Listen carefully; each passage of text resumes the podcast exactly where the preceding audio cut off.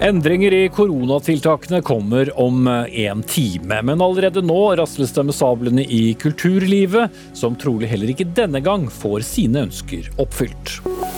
Selv om halvparten, over halvparten av innbyggerne i storfylket Viken ønsker en oppsplitting, blir langt mer betenkt når de ser prislappen, som kan komme opp mot en halv milliard kroner. Demokrati er ikke gratis, svarer kommunalministeren fra Senterpartiet. Den stadige usikkerheten rundt når en samtykkelov kan komme i Norge, skaper rivninger mellom AUF og regjeringen. Og ett år etter militærkuppet i Myanmar er landet i en svært dårlig forfatning, og verre kan det bli. Ja, dette er noe av menyen i uh, tirsdagens Dagsnytt 18. Og slik tradisjonen nå er blitt, velger regjeringen å legge frem endringer i koronatiltakene klokken 19 også i dag. Noe som gir færre muligheter til kritiske diskusjoner rundt endringene, men en del er lekket ut. Samtidig har altså helsemyndighetene kommet med anbefalinger. Og Det blir eh, tematikken her nå. For en time siden la altså Helsedirektoratet og FHI ut sine anbefalinger på respektive nettsider. Dersom regjeringen følger anbefalingene, får vi store lettelser i tiden som kommer. Vi skal fortsatt måtte holde meteren, men vi kan trene og få så mye besøk vi orker i hjemmet, blant annet. Espen Rostrup Nakstad, assisterende helsedirektør. Det er, som vi vet, mange og store forventninger både blant folk og i næringslivet om betydelige lettelser. Og dersom anbefalingene deres kommer, så er det betydelige lettelser? Ja, Da er det betydelige rettelser eh, absolutt på mange områder. Eh, det gjenstår å se hva regjeringen faktisk lander på klokka sju. Men eh, vi tror med den virusvarianten vi har nå, som tross alt gir en mye mindre belastning på helsevesenet, og den utviklingen vi har sett når det gjelder sykefravær også, at vi kan tåle å lette på ganske mange av de inngripende tiltakene. Mm. Men så er det samtidig viktig at vi ikke glemmer de aller viktigste tingene, som er vaksine, være hjemme når vi er syke og teste oss osv. Fordi hvis folk endrer helt atferd og tenker at nå trenger jeg ikke forholde meg til noen ting, da kan smitten gå rett i taket, og da kan vi få et problematisk sykefravær de neste ukene. Mm. Men de største endringene for uh, uh, ut fra anbefalingene deres, hva vil det være? Nei, Vi har anbefalt eh, betydelige rettelser på de fleste områder. F.eks. når det gjelder innendørsaktiviteter for barn og ungdom, så anbefaler vi at det fjernes. Vi anbefaler å fjerne skjenkestopp. Vi mener at man på arrangementer kan gå vesentlig opp i antall. Og vi skiller litt mellom innendørs og utendørs og skisserer et handlingsrom her som egentlig går mellom 50 og 100 avhengig av type arrangement. og Særlig hvis det er utendørs, så ser vi kanskje ikke den store begrunnelsen for å ha restriksjoner i det hele tatt. Så Eh, og vi støtter FHIs vurdering av dette med eh, mer gradert bruk av hjemmekontor, selv om det eh, er detaljer i det som, som regjeringen må vurdere. Og ellers så, så, er det også lettelser når det gjelder skoler, at man kan nå drive på grønt nivå og, og ha færre tiltak der også. Mm. Og dette kan endres på nå? Dette vil antagelig komme om en time, mye av det. Vi vet jo ikke nøyaktig hva som kommer, og det er fordi regjeringen skal vurdere andre hensyn, bare helsesektorens hensyn. Sånn at når vi får eh, det faglige grunnlaget fra FHI og hører hva kommunene klarer og hva sykehusene klarer, så er det én side av saken. Men regjeringen må jo vurdere andre sektorer, næringsliv, kultur og andre ting, og legge det i vektskåla og se da hva man kommer ut med totalt. Mm. Line Wold, avdelingsleder i Folkehelseinstituttet. Dere anbefaler da det dere kaller et lavt tiltaksnivå. Hva, hva betyr det? Dette henspeiler på tiltakspakker som vi har utvikla etter oppdrag fra, fra Helse- og omsorgsdepartementet. Så, så, da har vi kalt det, den pakka som vi nå anbefaler for det lave tiltaksnivå. Og så er det i den pakka også sånn at, at det er på en måte noen alternativer innenfor, innenfor hver boks, kan du si. Så f.eks. innenfor arrangementer så peker vi på to mulige, mulige måter å gjøre det på. Mm. Blant annet da å, å fylle halv sal. Eller å, gi, eh, å, si at det skal være smittevernmessig forsvarlig drift, og ikke si noen antallsbegrensning. Mm. Så her er det på en måte et eh, spenn for regjeringen å, å ta stilling til. Men rent praktisk, altså, hva, hva, hva, betyr det for arrangementer? For i dag er det delt inn eh, på, på kohorter på, på 200. Mm. Nei, Det spørs jo hva det landes på nå. Men ut fra anbefalingen, da, hvis du skal ja. klargjøre de? Ja, Det har jo vært løftet at kanskje det kan være en måte å gjøre det på. Å forholde seg til prosentvis utnyttelse av arealet istedenfor antall. fordi at antall kan jo bli veldig altså Hvor tett det blir, varierer jo veldig med hvor stort areal man har tilgjengelig. Og i noen andre land så har de forsøkt denne varianten. Og så er det viktig, som det også har vært pekt på tidligere, å gå i dialog med bransjen for å finne gode løsninger hvis man skal gjøre det på den måten. Mm. Men, men Nakstad, noen full gjenåpning på arrangementer, der er vi ikke? Altså, Danmark eh, har jo gått til full gjenåpning, som alle har hørt. og eh, Det er egentlig det eneste landet i Europa som har gjort det, men de ligger også ganske langt fram i løypa når det gjelder eh, denne smittebølgen, som ser ut til å snu nå i København-området bl.a. Og vi ligger ikke så langt bak, men det er noe med om man skal gjøre alt på en gang og ta den risikoen det medfører med kanskje kraftig sykefravær og konsekvenser for eh, en del viktige arbeidsplasser i samfunnet, eller om man skal ta det litt mer gradvis og ha litt margin. Mm. Så det er egentlig det det dreier seg om. og i det lange løpet nå, hvis dette fortsetter fortsetter å gå som vi håper, uten nye virusvarianter som skaper store problemer og sånn, så tror vi at dette vil gå riktig vei de neste ukene også. Mm. Så vi er jo optimister eh, på den måten.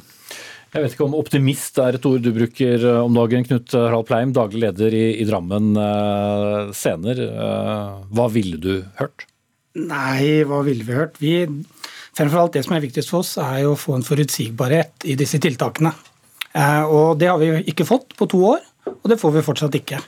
Og Det er det som er den store utfordringen, for publikum i dag er jo borte. Publikum ønsker jo ikke å gå når myndighetene sier at de ikke skal gå. Publikum syns det er vanskelig å gå, for at de kan bli smitta selv, får ikke pengene igjen. Så, så, vi er jo inne i en sånn dårlig loop som vi aldri får svar på. Og så blir jo vi behandla Det er jo morsomt at alle kaller oss kultur, men vi er jo næring, vi òg. Vi driver med næringsvirksomhet. Det er 50 000 i hvert fall som er tilknytta, 35 milliarder i året. Det er en ganske stor næring, og som glemmer jo når man snakker om folkehelsa, de glemmer jo hvilket perspektiv og hva er det kulturen gir til publikum tilbake igjen. I Finland så hadde de jo kulturopplevelser på blå resept en stund. For de mente at det var viktig. Men det er jo overhodet ikke tatt med i den diskusjonen her. Mm. Men, men, når du hører det som både Line Wold og, og Nakstad eh, skisserer her, med, med en viss eh, oppmykning uh, Fungerer det? Altså Sist gang så ble det sagt at det ville ikke fungere, for vi ville ikke tjene nok penger. Med, med, med halvfulle saler så Nei, det, det fungerer jo ikke det. Nei, nei. nei. Og, og, det er klart at vi har jo mange har jo halvfulle saler i dag. Men andre som ikke snakkes om, er jo det stående publikummet. Hvor er de? Det er jo helt borte. Og det er jo der man har de virkelig store selvfølgelig ansamlingen av mennesker. Men det er der det også er uh, mye publikum involvert, og selvfølgelig mye, mye, større økonomisk belastning for å gjennomføre de arrangementene. Sånn at det, det hjelper jo egentlig veldig lite. Nå er det jo avhengig av hva de kommer fram til i dag. da. Og vi ønsker bare å bli behandla som alle andre næringer. Hvorfor skal vi behandles forskjellig fra alle andre som ligger under 14 A? Mm. Uh, Linevold, mange lurer på hvorfor særlig da arrangementer er der det ser ut til å bli åpnet sist? Ja, Det vet vi jo ikke ennå. Og i denne vifta av muligheter som er lagt ut her, av ting vi foreslår for, for, regjeringen, så ligger det jo også å ikke ha antallsbegrensning overhodet, men krav til smittevernmessig forsvarlig drift. Da, så der er det da verken snakk om prosentvis utnyttelse av areal eller antallsbegrensning. Men det er ikke det, det samme som slik det var f.eks. Ja, når var det vi sist gikk på en vanlig konsert? Oktober-november? Nei, og det er klart at uh, i den situasjonen vi har nå, med en pandemi, så vil det nok uh, være sånn at det er krav til smittevernmessig forsvarlig drift eh, en del steder, vil vi tro eh, fortsatt. Det har vi i hvert fall både vi og Helsedirektoratet anbefalt. Mm. Og det er jo selvfølgelig litt annerledes enn det var i 2018 og 2019, men eh, likevel så vil det være en betydelig lettelse i forhold til hvordan det er nå. Og det er jo fordi at der vi møtes mange og møtes tett, og gjerne over tid, det er jo der mest smitte skjer. Så dermed så, så er det jo sånn at det er der man kanskje merker tiltakene best også. Plein. Ja, Det er jo interessant det spørsmålet. Der vi møtes mange og der vi møtes tett, er det mest smitte som skjer. Uh, ja, Kan jeg stille noe ja-nei-spørsmål? Det er jeg som stiller spørsmål, men du kan jo ja, kaste dem ut. jeg vil gjerne stille det til Nakstad. for Er det riktig at HDR ikke har noen statistikk på hvilke arenaer det har vært smitteutbrudd på? Vi har ganske... Ja, nei. Vi har statistikk, og FHI har statistikk, og kommunen har statistikk. Men du har helt rett i at det har vært lite smitteutbrudd på kulturarrangementer gitt de begrensningene som har vært i Norge. Og Det er nettopp, eh, det viser faktisk at det har hatt en god smittebegrensende effekt, men en veldig uheldig effekt selvsagt for eh, hele kulturbransjen. Og Det er vi veldig klar over, og det, det er vi lei oss for. Fordi, fordi, dette er ikke noe vi ønsker. altså Det er ikke sånn at vi ønsker å straffe noen eller foreslå dette for moro skyld. Det er jo som Line Wold sier, at smitterisikoen er høy innendørs, den er liten utendørs. Og jo flere mennesker som samles tett, jo større risiko er det. Men man kan fortsatt sende et fullt fly eh, som deler to toaletter eh, ja, i noen timer og, i Norge? Og så er du inne på det jeg skulle fullføre, og det er hvorfor blir dette vurdert av forskjellig? Og det er politikk, fordi man prioriterer barn og unge først. Og så prioriterer man yrkeslivet eh, generelt etter det. Der er jo handel og reiser mellom land også noe som er høyt prioritert. Og så har dessverre breddeidrett og kultur og den type ting, som samler mange mennesker, ofte på tvers av kommunegrenser også, har blitt satt nederst på den lista. Eh, og, og, så tenker jeg at nå som eh, det går riktig vei, så håper jeg at dette normaliseres i størst mulig grad over hele Førda. Og så er det som du er inne på, det er litt avhengig av at folk også tør å bruke tilbudet. Eh, og Det kan sikkert ta noe tid, men jeg tror at utpå våren nå så vil det gå inn i en fase hvor faktisk folk vil bruke de tilbudene. Og folk vil også lengte såpass mye etter dem at de vil oppsøke det, tror jeg. Det er veldig langt ja-nei-spørsmål. for at uh, Helsedirektoratet har jo bekreftet at de ikke har den statistikken. Så jeg synes jo det er veldig merkelig. og Man snur det jo på hodet og så sier man at grunnen til at det ikke ble smitte, det var at uh, det var tiltak. Men vi også har jo drevet med dette i to år. Vi kan jo smittevern. Og av alle bransjer er vi den eneste som får påleggene. Alle andre kan styre det selv. Og Det er det vi har sagt, at la ha tiltro til oss, at vi kan styre dette. Vi kan begrense smitten, vi kan gjøre de tiltakene som er nødvendige, men, men, men vi får ikke den tilliten da, som resten av samfunnet har. Og Så sier man at man skal gå inn på å begrense, forhold, eller lette for barn og unge og for næringer. Ja, vi er også en næring. Men, men vi blir ikke prioritert. Nei, vi, det er jo det. Og det er helt klart, som, som Nakstad sier, det er en politisk prioritering. Og da får jo regjeringen bestemme, da. Men vi føler jo ikke at vi blir prioritert, og vi har aldri blitt prioritert gjennom hele pandemien. Mm. Mer detaljer om det kommer etter hvert. Men ta en annen ting med deg, Line Wold. For ifølge dere kunne vi nå hatt vår verste smittetopp med inntil 2500 innlagte koronapasienter dersom eh, tiltakene da var eh, fjernet tidligere. Men så har Aftenposten i dag skrevet at uh, beregningsmodellen deres var da flere hakk mer dramatisk uh, enn nødvendig, eller det som ble tilfellet. Hvordan forklarer dere de modellene? Altså Worst case scenario og det mildeste scenario var likevel ganske langt unna det som ble realiteten. Ja. Og det er jo sånn at Modelleringene våre de er helt avhengig av hvilke forutsetninger som legges inn. Og så er vi veldig opptatt av å understreke at det er stor usikkerhet knyttet til de modelleringsresultatene som vi kommer med.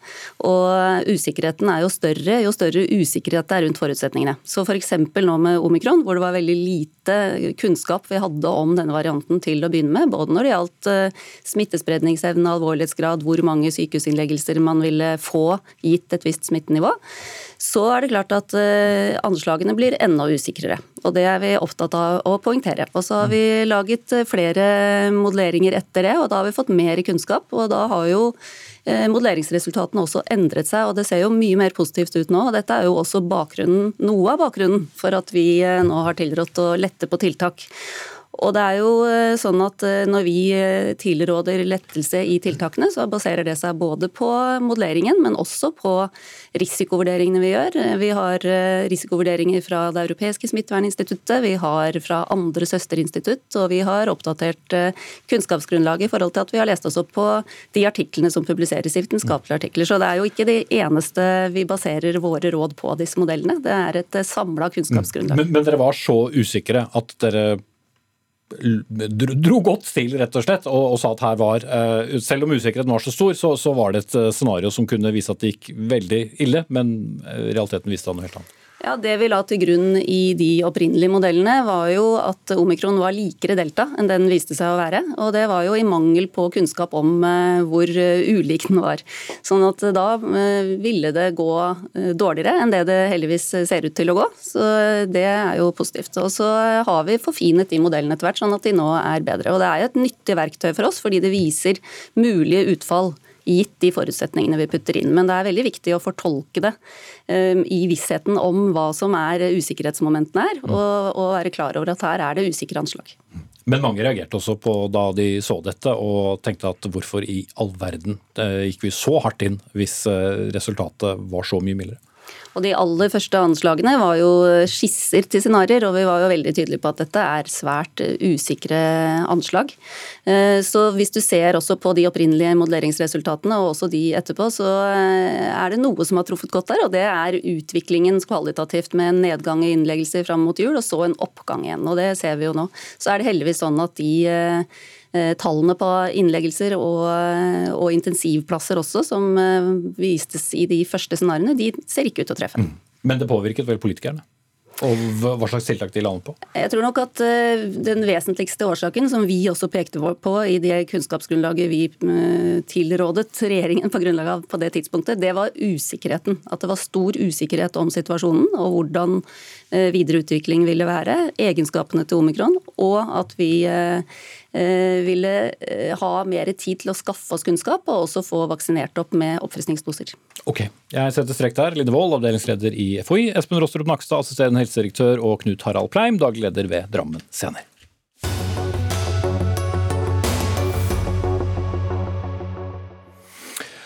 Påbudet om eh, hjemmekontor, det nasjonale påbudet får jeg eh, korrigere meg selv på, er eh, trolig historie om bare 45 minutter. NHO har iallfall krevd at regjeringen gjør grundige vurderinger om det var nødvendig å holde på disse tiltakene, som de mener har store økonomiske konsekvenser. Og Nina Melsom, direktør i NHO arbeidsliv og tariff. Hva hva er eh, den største nedsiden da økonomisk med å ha denne, eh, dette påbudet om hjemmekontor? Og det er jo som du sier at eh, Nå har vi en situasjon med pålagt hjemmekontor. altså Vi må sitte hjemme hver dag hele tiden. og Når vi gjennomfører eh, medlemsundersøkelser, så får vi veldig klare tilbakemeldinger fra bedriftene våre. De er bekymret for to ting. De er bekymret for de ansattes eh, trivsel og motivasjon. Og dernest så er de bekymret for produktiviteten til virksomheten. Og det henger jo i og for seg også så godt eh, sammen. Og så ser vi at her er det en markert endring fra desember, hvor vi gjennomførte denne medlemsundersøkelsen, og ett år forut. Så det tyder jo på at det tærer på når vi må sitte på hjemmekontor hele tida. Og det igjen eh, henger jo også sammen med at nå har det gått to år ut i pandemien. Bedriftene har behov for å omstille seg, utvikle seg. Og det er oppgaver som er vanskeligere å få til hjemmefra mm. enn fra kontoret. Men er det en generell bekymring som da legger til grunn for at eh, dere vil ha avvikling av det nasjonale påbudet, eller det, har dere også tall som viser at dette uh, har gått utover produktiviteten og dermed lønnsomheten? Dette er jo tilbakemeldinger fra våre medlemsbedrifter, og som setter ord nettopp på det. Eh, og Så er det jo et annet spørsmål, eh, og derfor fant vi det riktig å gi klart uttrykk for at eh, hjemmekontorpåbudet bør man nå vurdere hensiktsmessigheten av å forlenge. Mm, men det har ikke fått rene økonomiske konsekvenser, som dere kan vise fra bare det, den presiseringen er ute etter? Nei, det har vi ikke. Mm. Ok, Magne Skram Hegberg, generalsekretær i Juristforbundet. 21 000 eh, medlemmer. Eh, pålegg eh, fungerer sjelden, sier du. Men dere har også undersøkt deres medlemmer, som også i høy grad har, har sittet hjemme. Hva, hva, har dere funnet ut? Vi har funnet mye interessant. Nå er det sånn at Påbud eller forbud er jo sjelden en suksess, så det er én ting. Men det riktige spørsmålet og viktige spørsmålet å stille er hvor og når bør vi jobbe for å prestere best mulig. Og Da har vi sett at høyest produktivitet det kan man faktisk oppnå på hjemmekontor. Og Vi tror det blir en veldig viktig arbeidsplass i tiden fremover, ut fra det vi har sett i de tre undersøkelsene vi har gjennomført. Mm. Så der er det ikke så mye bekymring? Nei. Det er faktisk sånn at uh, da vi hadde det, hva skal vi kalle det, Norgesmesterskapet i hjemmekontor, så var det faktisk en veldig bra produktivitet for eh, våre medlemmer på hjemmekontor. Så den økte da de satt hjemme? Den økte faktisk, eh, og ikke minst seniorene gjorde det veldig bra der. Og det er jo, Poenget her er jo ikke nødvendigvis om man sitter hjemme eller borte. Poenget er at man skal sitte i et skjerma miljø, som kan være både hjemmekontor, det kan være et eget kontor på arbeidsplassen, det kan være på hytta. Poenget er at de må ha fred og ro for å levere. Og For å ivareta rettssikkerheten, som våre medlemmer gjør, så må de ha de beste vilkårene. Mm. I lite kontrast til uh, bekymringen hos dere, Melsom. Jeg tenker ikke at det er så veldig stor kontrast. fordi at Det vi snakker om nå er pålegg om eh, hjemmekontor. Og så er det spørsmål om hva som skal skje etter korona. og Det vi vet, det er at eh, fremtidens arbeidsliv kommer til å være annerledes enn det arbeidslivet vi var i før korona. Og Vi vet også gjennom våre medlemsundersøkelser at både arbeidsgivere og arbeidstakere ser for seg større grad av fleksibilitet. Man er noe på kontoret, man er, jobber noe hjemmefra. Man jobber kanskje mer noe hos kunden og kanskje noe hos, hos andre bedrifter. Og Da er det tre stikkord som er uh, viktige. Det ene er dose. Hvor mye sitter du hjemme? Eh, det har betydning i forhold til produktivitet og trivsel. Det andre er hvilke oppgaver man skal gjøre hjemmefra. Man vet jo at rene driftsoppgaver, rene konsentrasjonsoppgaver egner seg å gjøre hjemmefra. Men samhandling og utvikling, da må man eh, møtes på okay. kontoret. Mm. Og det siste er frivillighet. Mm. Eh, og så er det jo kanskje annerledes eh, hvis man er jurist når man er en annen form for eh, bedrift? Igjen så er poenget at det må være riktige arbeidsvilkår. Vi må spørre hva og hvilke oppgaver er det som krever hvilke arbeidsforhold. Og Våre jurister har i stor grad eh, behov for å sitte skjerma tilbake til det. Og Da er ikke spørsmålet hjemmekontor eller ikke. Frivillighet er åpenbart viktig, men det må styres ut fra hvilken oppgave er det som skal løses. Og Der har vi sett produktivitetsøkning når man får skjerma forhold, og ikke bli avbrutt, eller er det masse støy, eller det er eh, IKT-problemer osv. Og, så eh, og der ser vi jo bl.a. at eh, åpne landskap ikke fungerer spesielt godt. Mm. Så der går heller lønnsomheten opp ved å ikke være så mye sammen? Det kan det faktisk godt være. Og så er det et poeng at vi skal selvfølgelig pleie arbeidsmiljøet og kollegene våre. Vi har et sug etter å se kollegene igjen, selvfølgelig. Så her må man finne en riktig dose, så der er jeg enig. Og så er det ikke spørsmål om hvor mye skal man være borte og hvor mye skal man være hjemme. Spørsmålet er hvilke oppgaver er det som krever hvilke løsninger, og hvilke rammer er det vi trenger å jobbe under. Mm.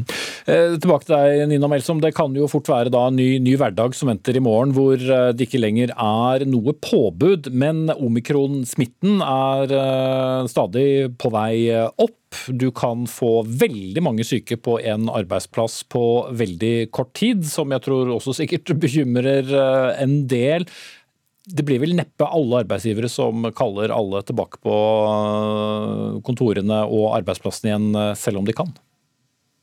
Ja, nå har jo vi bedrifter som har le levet lenge med pandemien og funnet, viser seg å finne gode løsninger i øh, god samråd med sine ansatte. Eh, og ja, det er bekymring knyttet til eh, økt sykefravær. og Derfor har vi også oppfordret alle våre medlemsbedrifter til å ha gode beredskapsplaner for å møte den situasjonen. Hmm. Ok, om 38 minutter kommer det vel en slags eh, fasit på dette også. Takk til Nina Melsom, direktør i NHO for arbeidsliv og tariff, og Magne Skram Hegerberg, generalsekretær i Juristforbundet.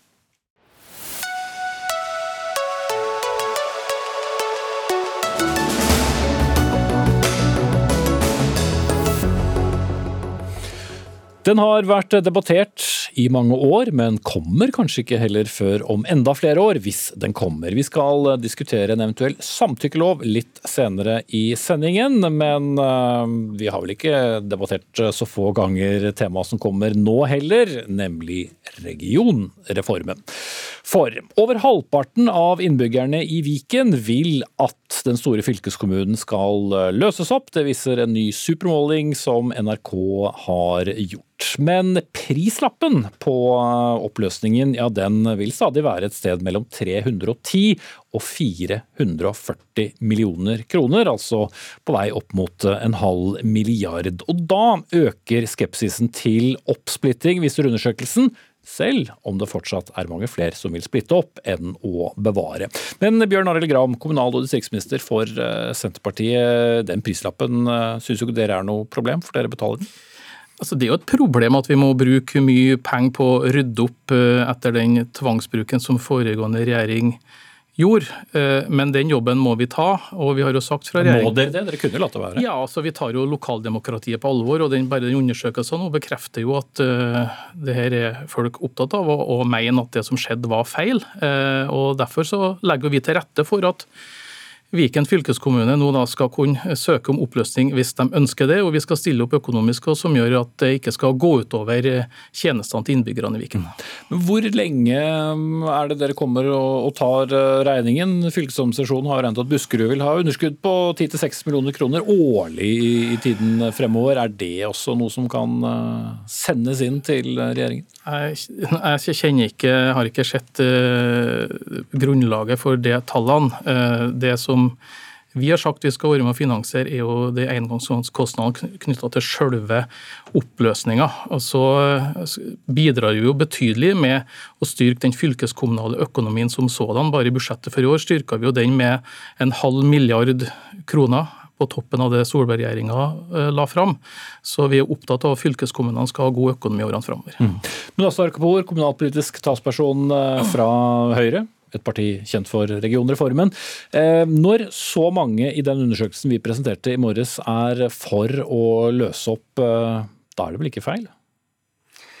Jeg tar på alvor at eh, mange fortsatt har mange spørsmål knyttet til eh, Viken som ny region. og Det er også fordi at den har ikke eksistert så lenge, og veldig mye eksistensen har skjedd under en pandemi. Men når vi da du mener legger, vel at den skal oppløses? Eh, ja, men når vi da legger fakta på bordet, fordi folk fortjener å se hva det koster, og hva fellesskapet må betale, så ser vi jo at tallene blir snudd på hodet. Da er det jo faktisk et flertall som mener at det ikke er riktig bruk av pengene. Også fordi at de blir eh, nå også Nå ser de veldig tydelig at eh, det går utover tjenestetilbudet. Det vil gå utover kompetansemiljøene, og det vil stanse utviklingen. Og jeg må jo si at eh, det er litt bekymringsfullt å høre en statsråd som ikke tar en fagrapport på alvor. Jeg regner med at statsråden selv også har tenkt å gjøre en faglig vurdering av den søknaden som kommer, og ikke operere som en postkasse. Og, og faktisk være en statsråd som uh, ser på søknaden og settes litt lit til fagkompetansen som ligger bak slike utredninger. Ja, for, for, Hva skjer praktisk når en eventuell søknad eh, da kommer om oppsplitting? Altså, bare si at Den fagrapporten som vises til her, det er også noe som eh, da fylkestinget, de folkevalgte i Viken, skal ta stilling til, og så vurdere om de skal søke om oppsplitting. og Den søknaden er også da ikke sendt og i dag ikke mottatt i departementet heller. Eh, og så skal vi da legge fram en, Når vi får den, eventuelt, så skal vi legge fram en sak for Stortinget, og Stortinget bestemmer. Men når det gjelder kostnader, bare si en ting til. for at Kapur er opptatt av at, at dette blir, blir dyrt og, og, og, kan gå utover tjenestene. Men, men da man tvangssammenslo Østfold, Akershus og Buskerud, så stilte man til rådighet 45 millioner, men fylkeskommunen har sjøl beregna at det kosta 335 millioner. Hørte ikke så mye bekymringer om det fylkeskommunale tjenestetilbudet da man brukte tvang mot lokaldemokratiet. Mm. Mens vi snakker, mine herrer, så kommer det nyheter. Akershus Arbeiderparti går inn for å oppløse Viken, så da går det vel den eh, veien. For det har vært et visst spørsmål om hva som kom til å, skje der. Men uh, la oss gå tilbake til at det blir jo en uh, altså Mange vil jo si kanskje utredningen ikke var så god god før man slo sammen heller? Vel, Det er jo egentlig en historie som Senterpartiet har prøvd å presentere i mange runder. og uh, Jeg er nesten fristet til å kalle det for en, en, liten røverhistorie. fordi Det de hopper bukk over, er at Senterpartiet selv, ved sin tidligere leder og kommunalminister Åslaug Haga, ønsket nettopp å gjennomføre en regionreform. Eh, og regionreformen Som så akkurat sånn ut som det dere gjennomførte? Eh, ikke nødvendigvis akkurat sånn, men det er jo fordi at vi faktisk gjennomførte eh, faglige utredninger både i departementet, fylkeskommunene, Akershus, Buskerud og Østfold var også involvert i den prosessen. Og gjennom en ordentlig saksbehandling i Stortinget så vedtok man dette. Det Senterpartiet nå legger opp til, er jo egentlig en, et råkjør hvor man ønsker å reversere, til tross for at den faglige utredningen sier at dette kan koste opp mot nesten halv milliard kroner. Og det innbyggerne trenger, statsråd Gram, det er jo eh, flinke folk i Viken som går på jobb hver dag for å utvikle Viken og ikke avvikle Viken. Dette vil være et kostnadssluk som ikke kommer borgerne til gode. Og Jeg håper at eget, statsrådens eget departement vil gjøre en grundig saksbehandling av den søknaden når den kommer. Ja, altså Det var egentlig dit jeg var på vei, ikke bare med Viken, men det er jo flere regioner her da, som eh, det kan komme søknader fra. Men hva skjer det? Altså Kommer man til å blankt si OK, dette er det dere ønsker, dere ønsker oppsplitting. Eh, vi betaler, prosessen starter nå. Eller kommer du som eh, ansvarlig statsråd til å si vi hører på dere, nå skal vi gjennomgå dette, og så ser vi hva som skjer. og Dette kan ta tid. Det skjer vel ikke allerede inneværende år f.eks., eller kan det det? Eh, ja, Prosessen er jo i gang. og Det vi har sagt er jo at eh, vi skal gi de tvangssammenslåtte fylkeskommunene og kommunene anledning til å søke om oppløsning hvis de ønsker det. og Da vil jo vi legge lokaldemokratiets synspunkt til grunn, da i motsetning til forrige regjering som vel valgte å bruke tvang. Og Så er det jo Stortinget som bestemmer. Eh, men vi kommer til å lytte til det som lokaldemokratiet sier. og Søknadsfristen er om en snau måned nå, 1. mars. Og vi vil fremme en sak for Stortinget nå i vår. Sånn. sånn at det kan gjøres beslutninger før sommeren. Så, og sånn igjen at det da er mulig å gjennomføre valg til nye fylkesting i det ordinære kommune- og fylkestingsvalget høsten 2023. Mm. Men uh, prosessen den kan med andre ord starte bare om noen måneder? Ja, altså Prosessen er jo for så vidt i gang. da. I jo, jo, men hvis det er et flertall? Ja, uh, det vil det absolutt uh, kunne gjøre. Ja. Mm -hmm. Eh, hva syns du selv står igjen fra regionreformen, Kapur, hvis eh, det er dette som eh, da skjer? Nå er det jo først uh, viktig å si at det siste ordet er ikke sagt i denne saken. Jeg setter fortsatt min lit til at Arbeiderpartiet kanskje velger å følge en uh, viss fjellrettregel om at det ikke er noe skam å snu. For bare noen... Et halmstrå, sånn det ser ut nå, kanskje? eller? Eh, eh, kanskje noen vil se på det på den måten, men jeg tror at eh, hvis man stoler på at fornuften kan seire, så bør man holde seg fast til det. Og så må jeg få lov å si at Nå er ikke Arbeiderpartiet her, men bare for en uke siden så mente også Arbeiderpartiet i Akershus at det er fornuftig å ikke reversere fordi at den faglige utredningen tilsier noe annet. Mm. Så har jo Senterpartiet hatt et råkjør med med trusler om å forlate regjering, eller hva de har sagt. Men, eh, men, jeg, men, jeg, håper at vi får en god prosess fremover. Og så skal jo saken også komme til Stortinget etter en grundig gjennomgang også i departementet, og ikke en mm. postkassemanøver fra statsråden. Ok, da har du sagt postkasse to ganger. Skjebnen til eh, Viken blir altså formelt avgjort i fylkestinget 23. og 24. februar, men eh, vi ser vel allerede noen av konturene av det. Lars Nehru Sand, politisk kommentator her i NRK, du har skrevet om dette, og du skriver på nrk.no i dag selv et makkverk kan bli verre. Hva ligger i det?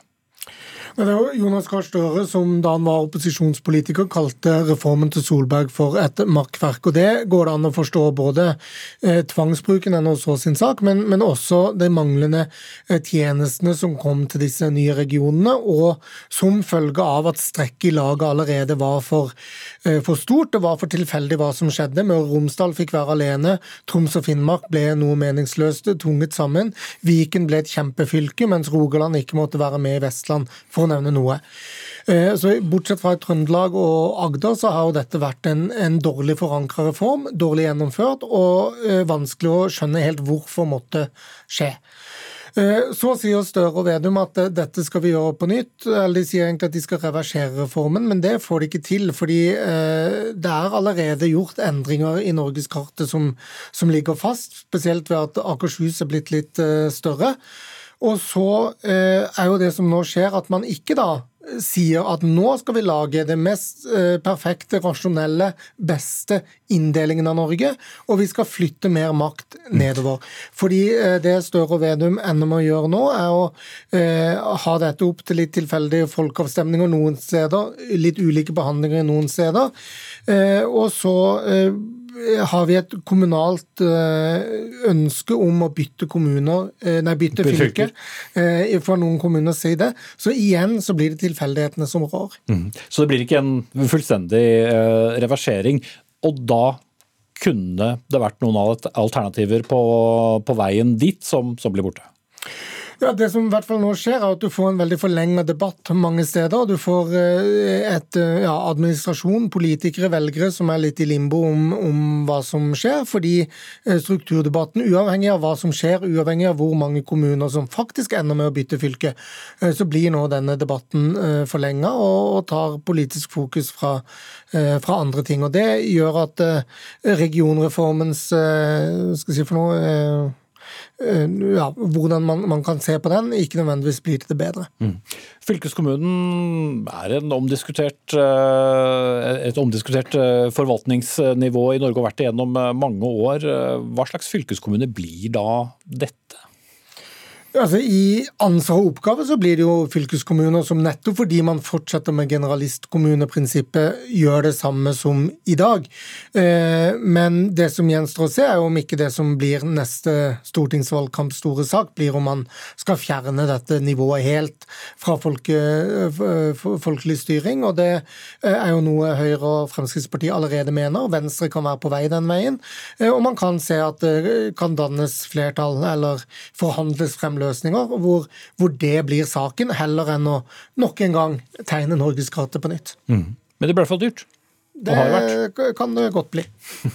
Lars Nehru Sand, politisk kommentator i NRK, og takk til kommunalminister Bjørn Arild Gram. Bjørn Arild Gram fikk du en Østfold-L der en eller annen grunn. Eh, kommunal- og distriktsminister og Mudassar Kapur, kommunalpolitisk talsperson fra Høyre.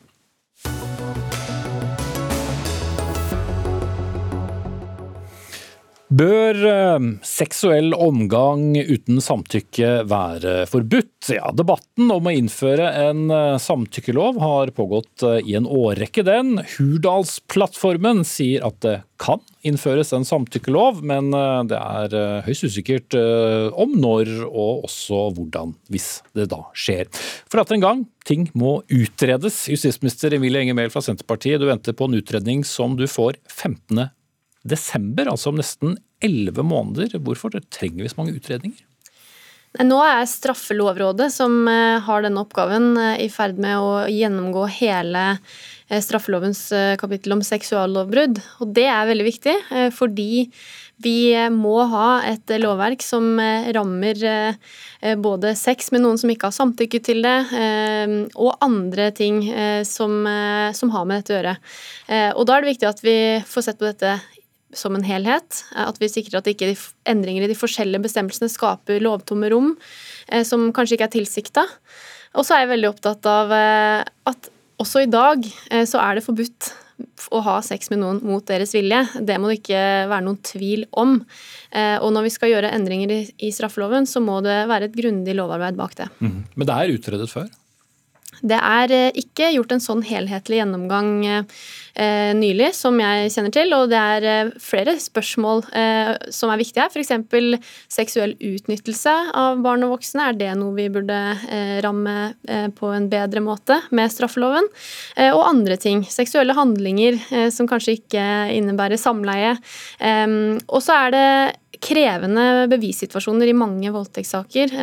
Det er ofte festrelaterte voldtekter, mye alkohol involvert, ofte veldig unge personer beviskravene i en, eh, i en straffesak de kommer ikke til å bli annerledes selv om man får en, eh, en samtykkelov. Eh, så det er mye annet arbeid, f.eks. snakke med barn og unge om grensesetting, holdningsskapende arbeid mot unge mennesker, som er viktig. Den type ting må man gjøre selvfølgelig utenom mm. eller i tillegg til lovverket. Nettopp. Men det, det, er viktig å ha med seg. 99 av 100 voldtekter gir ingen uh, straffereaksjon. og Mange mener jo for å sette på spissen da, at det i praksis er en straffefrihet for, for voldtekt uh, i Norge. og Da er det jo mange som lurer på hvor lenge må det være slik? Vil ikke en samtykkelov kunne endre det?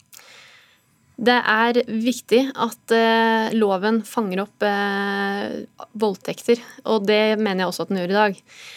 Men det er, sånn få straffereaksjoner? Og så er det sånn at bevissituasjonen ofte er veldig krevende. Eh, dette skal, altså hvis, Beviskravet i en straffesak er veldig strengt, og det må det være. Og det kommer ikke til å endre seg, selv om man gjør endringer i straffelovens ordlyd. Så det er også viktig å ha med seg at man løser ikke alle problemene knytta til eh, akkurat det du tar opp der, eh, med endringer i straffeloven. Men vi mener jo likevel at det er viktig å se på straffelovens bestemmelser om seksuallovbrudd, sånn at vi sikrer at de er dekkende, og at eh, man har et rettsvern for personer som blir utsatt for seksuelle overgrep i Norge. Mm. Du har jo blitt intervjuet om dette noen ganger også, og i et sitat som jeg så, så sier du følgende også må det sikres at folk har friheten til å være seksuelt aktive i den grad de ønsker det selv. Eh, hva mener du med det? Altså, kan en, en samtykkelov legge begrensninger? Ja, Dette er jo grunnen til at det er viktig å ha en grundig utredning bak endringer i straffeloven.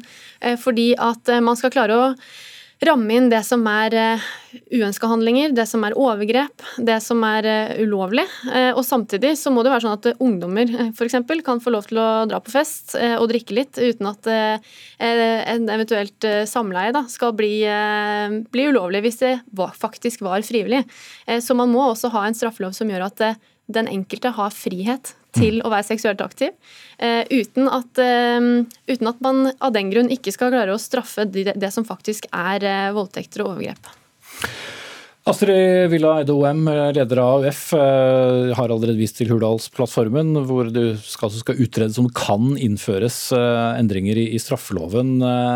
Men dere er langt mer ivrige enn som så. Men trenger man en grundig utredning, slik som justisministeren viser til? Ja, Vi er glad for at det er satt i gang en helhetlig utredning, men så mener vi også at vi har eh, såpass mange fakta på bordet, og at man har hatt en utredning at man kan, burde få fortgang i det. For det haster jo. For det, tallene er tydelige. Det er én av ti kvinner i Norge som opplever å bli utsatt for eh, voldtekt i løpet av livet. Det er åtte av ti voldtektssaker som blir henlagt, og i tillegg så er det én av tre som aldri forteller om en voldtekt. Og det er jo to grunner til å innføre en sånn samtykkebasert lovgivning. Det ene er jo at per i dag så nevnes ikke samtykke som kriterium for at det skal bli eh, dømt som voldtekt. Det andre er jo at det også har en forebyggende effekt. Det at samtykke blir satt i sentrum, kommer også til å endre normene våre. Vi vet at lover er også med på å endre normer og sette en standard for at vi sier at det er samtykke som skal være gjeldende for om det er et overgrep eller ikke. Ola Sønneby, leder av Unge Høyre. Dere har sett flere utfordringer med en samtykkelov enn det AUF har. Hva er det vanskeligste? Nei, det første er jo spørsmålet om samtykkelov svarer ut mange av de utfordringene vi har i dag. Trolig så, altså En grunn til at så få blir dømt, handler jo om at det er ord mot ord. Og ord mot ord vil det trolig være uavhengig om man har en samtykkelov eller ikke. Uh, og så er jeg for den utredningen og for å se på loven, men, men forskjellen mellom det og, og eksplisitt nevne samtykke er jo for det første at man er nødt fra politisk hold til å definere veldig tydelig hva et samtykke er. Mm. I Danmark så har man forsøkt det, og da kommer de fram til at det er en viss type lyder eller noe sånt.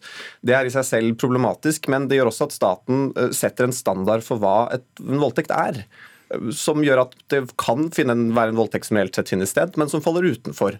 Motsatt så kan det også være at det uh, er en uh, voldtekt, men at den som har blitt utsatt for voldtekt, likevel har vist de signalene som politikerne har bestemt at det er et uh, samtykke.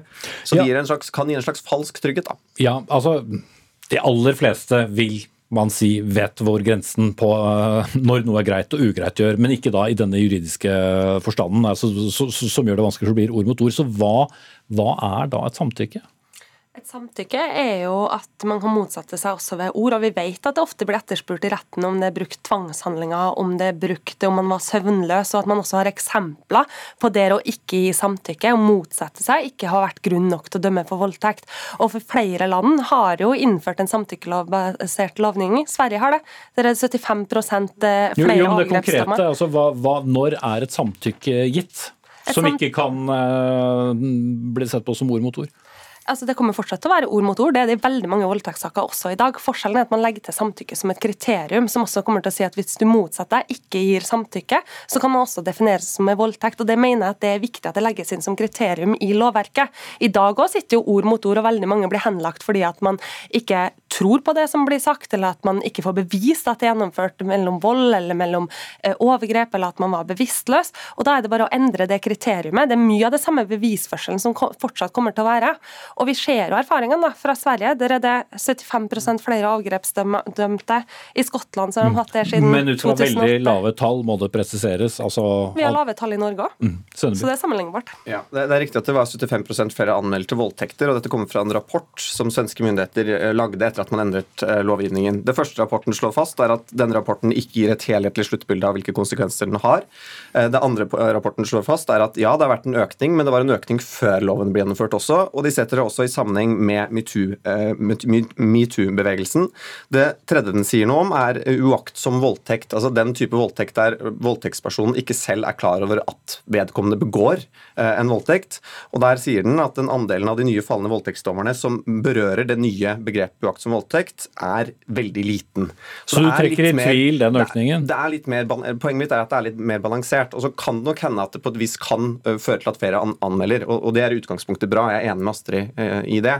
Uh, men jeg tror det er flere andre ting man også kan gjøre. Justisministeren er inne på noe av det som handler om altså, rett og slett opplæring, og ikke bare opplæring av jenter hvordan de ikke blir vold, voldtatt, men også opplæring av gutter. Men det er jo helt på siden av lovverket, da? Ja, det er altså helt på siden av lovverket. Også, men poenget er at når samtykkelov Det kan hende at det har noen positive sider, men når det også har noen negative fallgruver, så, så, så et um, så, tror ikke jeg i hvert fall at, at, det er en spesielt god idé. Mm.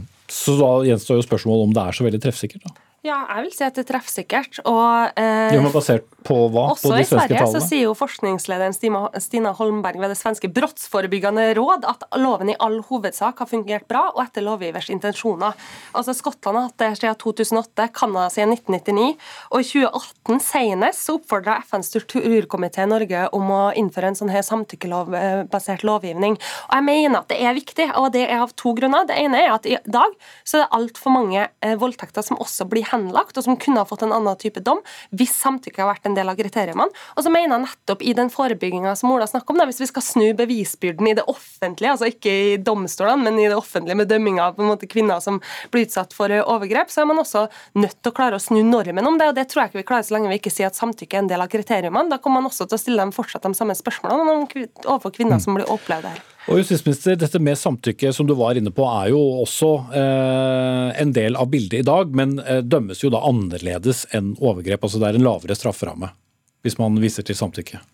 Altså, Straffeloven har mange bestemmelser som rammer ulike former for eh, seksuelle overgrep. Eh, jeg mener at det er viktig at vi har klart for oss at eh, det ikke er tillatt å voldta noen. Det er ikke tillatt å ha sex med noen som ikke vil det. Det er, det er viktig for meg at det ikke skapes et inntrykk av det utad. Og så tror jeg debatten her viser litt at det er behov for å utrede hvordan man skal innrette en samtykkebestemmelse. Jeg mener at det er riktig å gjøre det. Eh, det har vært eh, et krav, eh, økende krav fra mange i offentligheten om at man ønsker en samtykkelov i Norge. og Derfor så ser vi jo på hvordan vi kan få til det nå. Men det er også viktig for meg at den loven ikke får utilsikta konsekvenser. Og så er det viktig også at bevisbyrden, bevissituasjonen, blir fortsatt krevende. Spesielt i de mange festvoldtektssakene hvor det er kanskje vanskelig å huske hva som har skjedd. Eh, man har rus inn i bildet. Eh, og det problemet må vi også ha med oss og løse på andre måter enn bare med å endre loven. For fortsatt så skal tvilen komme tiltalte til gode?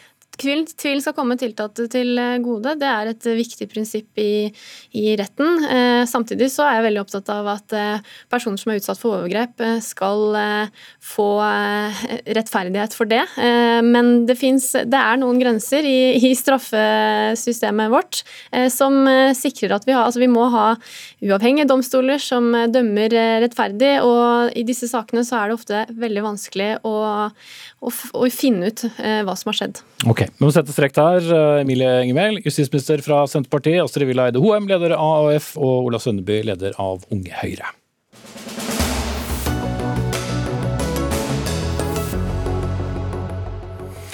Det nærmer seg eh, pressekonferanse fra regjeringen om endringer i eh, smitteverntiltakene. Og kollega Peter Svaar, du er eh, reporter der nede.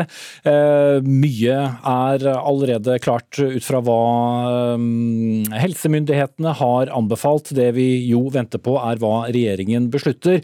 Men ut fra det vi vet, så vil det være en helt annen hverdag som kommer for de aller fleste allerede fra klokken 23 i kveld. Ja, Det er ingen tvil om at det er gjenåpning i luften her i eh, Marmorhallen eh, i kveld. Det vi nå kan erfare er jo at skjenkestoppen blir eh, opphevet. Det skjer allerede klokka 23 i kveld. Det vil si at barer og serveringssteder faktisk kan holde åpent lenger allerede nå i kveld. Og også på andre områder blir det store lettelser, med et viktig unntak. Meteren beholdes de fleste, men ikke alle steder. Det blir unntak for meteren bl.a. i undervisningssammenheng, etter det vi får opplyst og også i eh, bredde- og toppidrett. Sånn at eh, idretten blir eh, nokså fullt gjenåpnet. og også store deler av undervisningssektoren blir det. Trafikklysmodellen foreslås avviklet også for barne- og ungdomsskole, videregående og for barnehagene. Så og så vil jo denne meteren fortsatt bestå, eh, og det vil jo få konsekvenser kanskje for særlig kulturliv, servering. Eh, og der er det snakk om at man skal gjøre en ny vurdering etter to uker. Så dette kan se ut som man eh, gjør dette litt som en totrinnsrakett, hvor man ikke åpner opp alt nå, men hvor man, gitt at utviklingen går i riktig vei, kommer til å åpne opp det aller, aller meste innen rundt 15.2, slik det ser ut nå. Så med andre ord, regjeringen åpner delvis nå, men vil altså ha muligheten for å kunne holde litt igjen på, på noen eh, tiltak, og, og, og, som du sier da, trolig ikke vil komme med noe som er i hvert fall tilnærmet lik en full gjenåpning før midten av februar? Nei, Det er det som virker sannsynlig nå. og Grunnen til det det er at uh, man anser at uh, Norge ligger uh, noen uker etter Danmark, som jo nå fjernet alle sine tiltak i dag, eller fra og med i dag. og Man ønsker fortsatt da å mate av toppen på denne store smittebølgen som er forventet nå de neste ukene. At ikke altfor mange skal bli syke samtidig. Først og fremst nå for å hindre et voldsomt sykefravær eh, på arbeidsplasser og på sykehus og i skoler og barnehager og i ulike deler av eh, på en måte samfunnskritisk virksomhet, hvor eh, man i verste fall ser for seg at man kan få et sykefravær på opptil 20% Så For å få det litt lavere, så ønsker man da å ikke gjøre alle disse lettelsene nå med en gang, men heller slippe opp en god del, men også holde da noe igjen. Mm. Se smitteutviklingen litt an utover i februar, og slippe opp eh, da i midten av februar hvis alt går som planen. Da sier vi foreløpig takk til deg, Petter Svaar. Du kommer tilbake i Dagsrevyen klokken 19. Eh, og så til dere der hjemme som har mange spørsmål. Eh, NRK svarer på dine spørsmål via våre nettsider, så det er bare å gå inn der og stille spørsmål om tiltak etter hvert som pressekonferansen kommer i gang.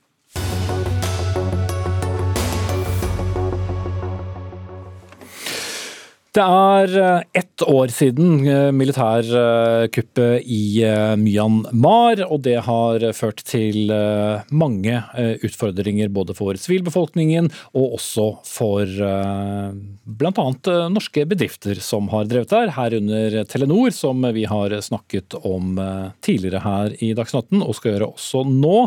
Men jeg skal begynne med deg, Jakke Herheim, programsjef i Leger uten grenser, for du har vært flere ganger i Myanmar tidligere Burma før kuppet, har fortsatt kontakt med de som fortsatt jobber der. Så hvis du skal gi en, eh, en slags eh, rapport fra, fra bakken, eh, hvordan er det?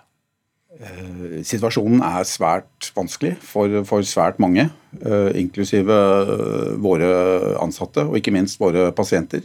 Det er, det er, flere store kriser i landet samtidig. Etter den militære maktovertagelsen så har offentlig forvaltning og offentlige tjenester, eh, inklusive helsetjenester, eh, så godt som brutt sammen.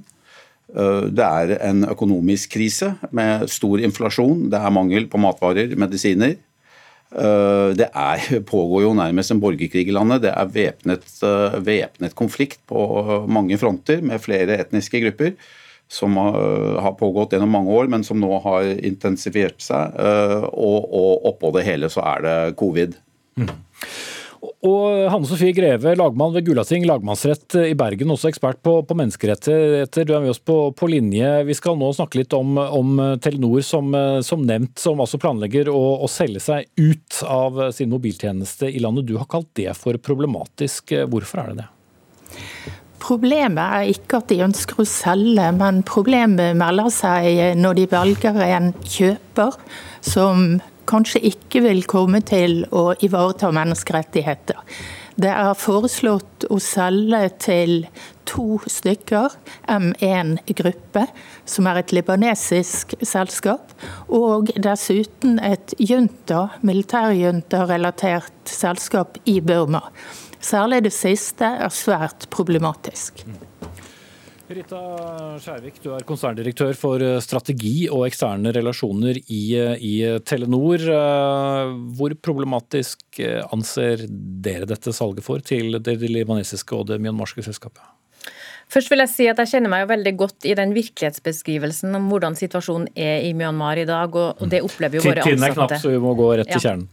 Men, eh, og Våre ansatte opplever jo den virkeligheten. og Det er jo nettopp hensynet til menneskerettigheter og konflikten med norsk lovgivning som gjør at vi ikke har noe annet valg enn at vi må selge Telenor Myanmar. Så forstår vi at det er dilemma knytta til det.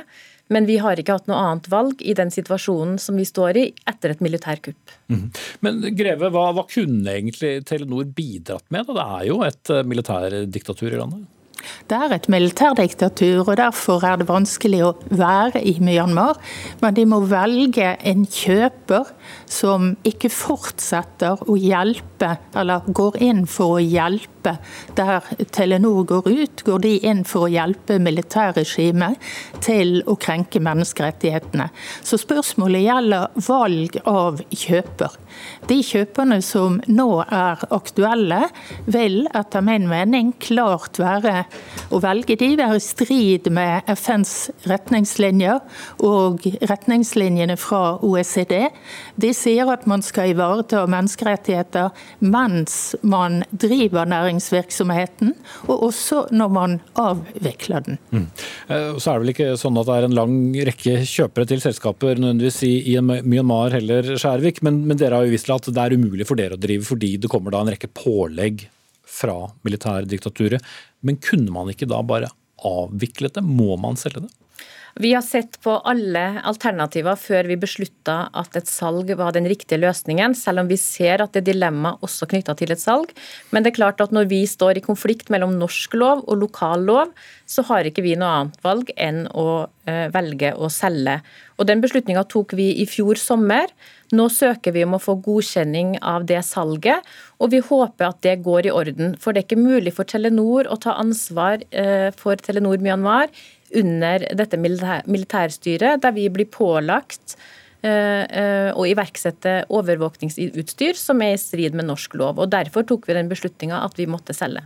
Men dere vet heller ikke om eh, ny kjøper ikke kommer til å gjøre akkurat det? Ny kjøper må jo da ta sitt ansvar for selskapet og drive videre. Det er klart at alle telekomselskapene i Myanmar har en vanskelig situasjon i dag, og, og, alle innbyggerne i Myanmar har en vanskelig situasjon. Vi må jo ta ansvar for Telenor og hva Telenor kan være med på, og hvordan vi kan følge norsk lov. Mm. Greve. Ja, jeg tenker jo at når man har ti millioner kunder, som man hadde faktisk i 2015 i Telenor, så har man et hovedansvar for de. Og det er en mulighet å avvikle hvis man ikke finner en som kan drive uten å krenke de internasjonale reglene, for så vidt også de norske reglene. Men jeg tenker at den norske stat, som har aksjemajoriteten i Telenor, er forpliktet til å se til at menneskerettighetene ikke ikke blir krenket i forbindelse med salget. Mm. Eh, Skjærvik, vet dere noe som helst om hva som kommer til å skje med utstyr, data, alt som er lagret fra deres virksomhet hos en ny eier? Jeg vet jeg har spurt om det før. Nei, Vi har jo vært, gjort veldig grundige vurderinger før vi tok denne beslutninga av salget. Eh, og vi har kommet fram til at det er den løsningen som vi kan gå for. Der vi ivaretar sikkerheten for våre ansatte, der vi sikrer tjenester for kundene og der vi får men, men spørsmålet var altså data og utstyr som dere allerede har eh, samlet inn. Altså datatrafikk eh, og opplysninger om kunder. De går over til nye eier. Ja, fordi vi er jo forplikta av den lokale lovgivningen å beholde eh, dataene. Eh, og så kan ikke vi be våre ansatte bryte den lokale lovgivningen i det regimet mm. som er nå. Så hvis regimet krever å få utdelt disse dataene fra neste eier, eh, som de kunne ha gjort fra dere, så er det stor sjanse for at nettopp det skjer? Alle telekomoperatørene i Myanmar har en veldig vanskelig situasjon nå i den situasjonen som er. Og Det tror jeg alle som følger situasjonen tett er klar over. Det finnes ingen gode løsninger i Myanmar. Det er en fortvilende situasjon. Men for Telenor så må jo vi ta de beslutningene som er riktige for vårt selskap. Mm. Ja, der altså. Eh, veldig kort til slutt, eh, Jack Hreim. Hvor lett er det for utenlandske aktører også som, som dere opererer inne i landet? Eh, vi, Våre prosjekter løper videre, eh, men det er jo krevende og det er blitt vanskeligere. Eh, er, vi blir forhindret. Det er vanskelig å importere medisiner, det er vanskelig å få visum til våre ansatte osv. Men vi, prosjektene drives videre, og det er veldig viktig at de store internasjonale organisasjonene forblir i landet. For behovene er enorme. Og, men, men, arbeidsforholdene, hvordan vil du beskrive det? Nei, De er selvsagt krevende, spesielt for helsearbeidere. Eh, vi ser jo mange eh, angrep på helseinstitusjoner og, og, og helsearbeidere som, som, skjer over hele landet. Og så er jo mange befinner seg jo dette enorme enorme dilemma at de ikke vil assosieres med, eh, med de militære myndighetene og unngår da enhver kontakt med dem, inklusive mange eh, leger og sykepleiere som har stått i bresjen for opprøret mot eh, de militære styresmaktene. Mm. Takk skal du ha, Jack Herheim, programrådgiver for Leger uten grenser. Takk også til Rita Skjærvik, konserndirektør for strategi og eksterne relasjoner i Telenor, og Hanne Sofie Greve, lagmann i Gulating lagmannsrett, med oss fra Bergen. Ansvarlig for eh, denne sendingen var Odd Nytrøen. Jeg heter Espen Aas, minner om altså at regjeringen har da lagt inn pressekonferanse til klokken 19, og hva de har tenkt å meddele får dere vite da direkte på NRK1 i Dagsrevyens sendetid. Og så blir dette fulgt opp videre i bl.a. programmet Debatten senere i kveld. Takk for nå.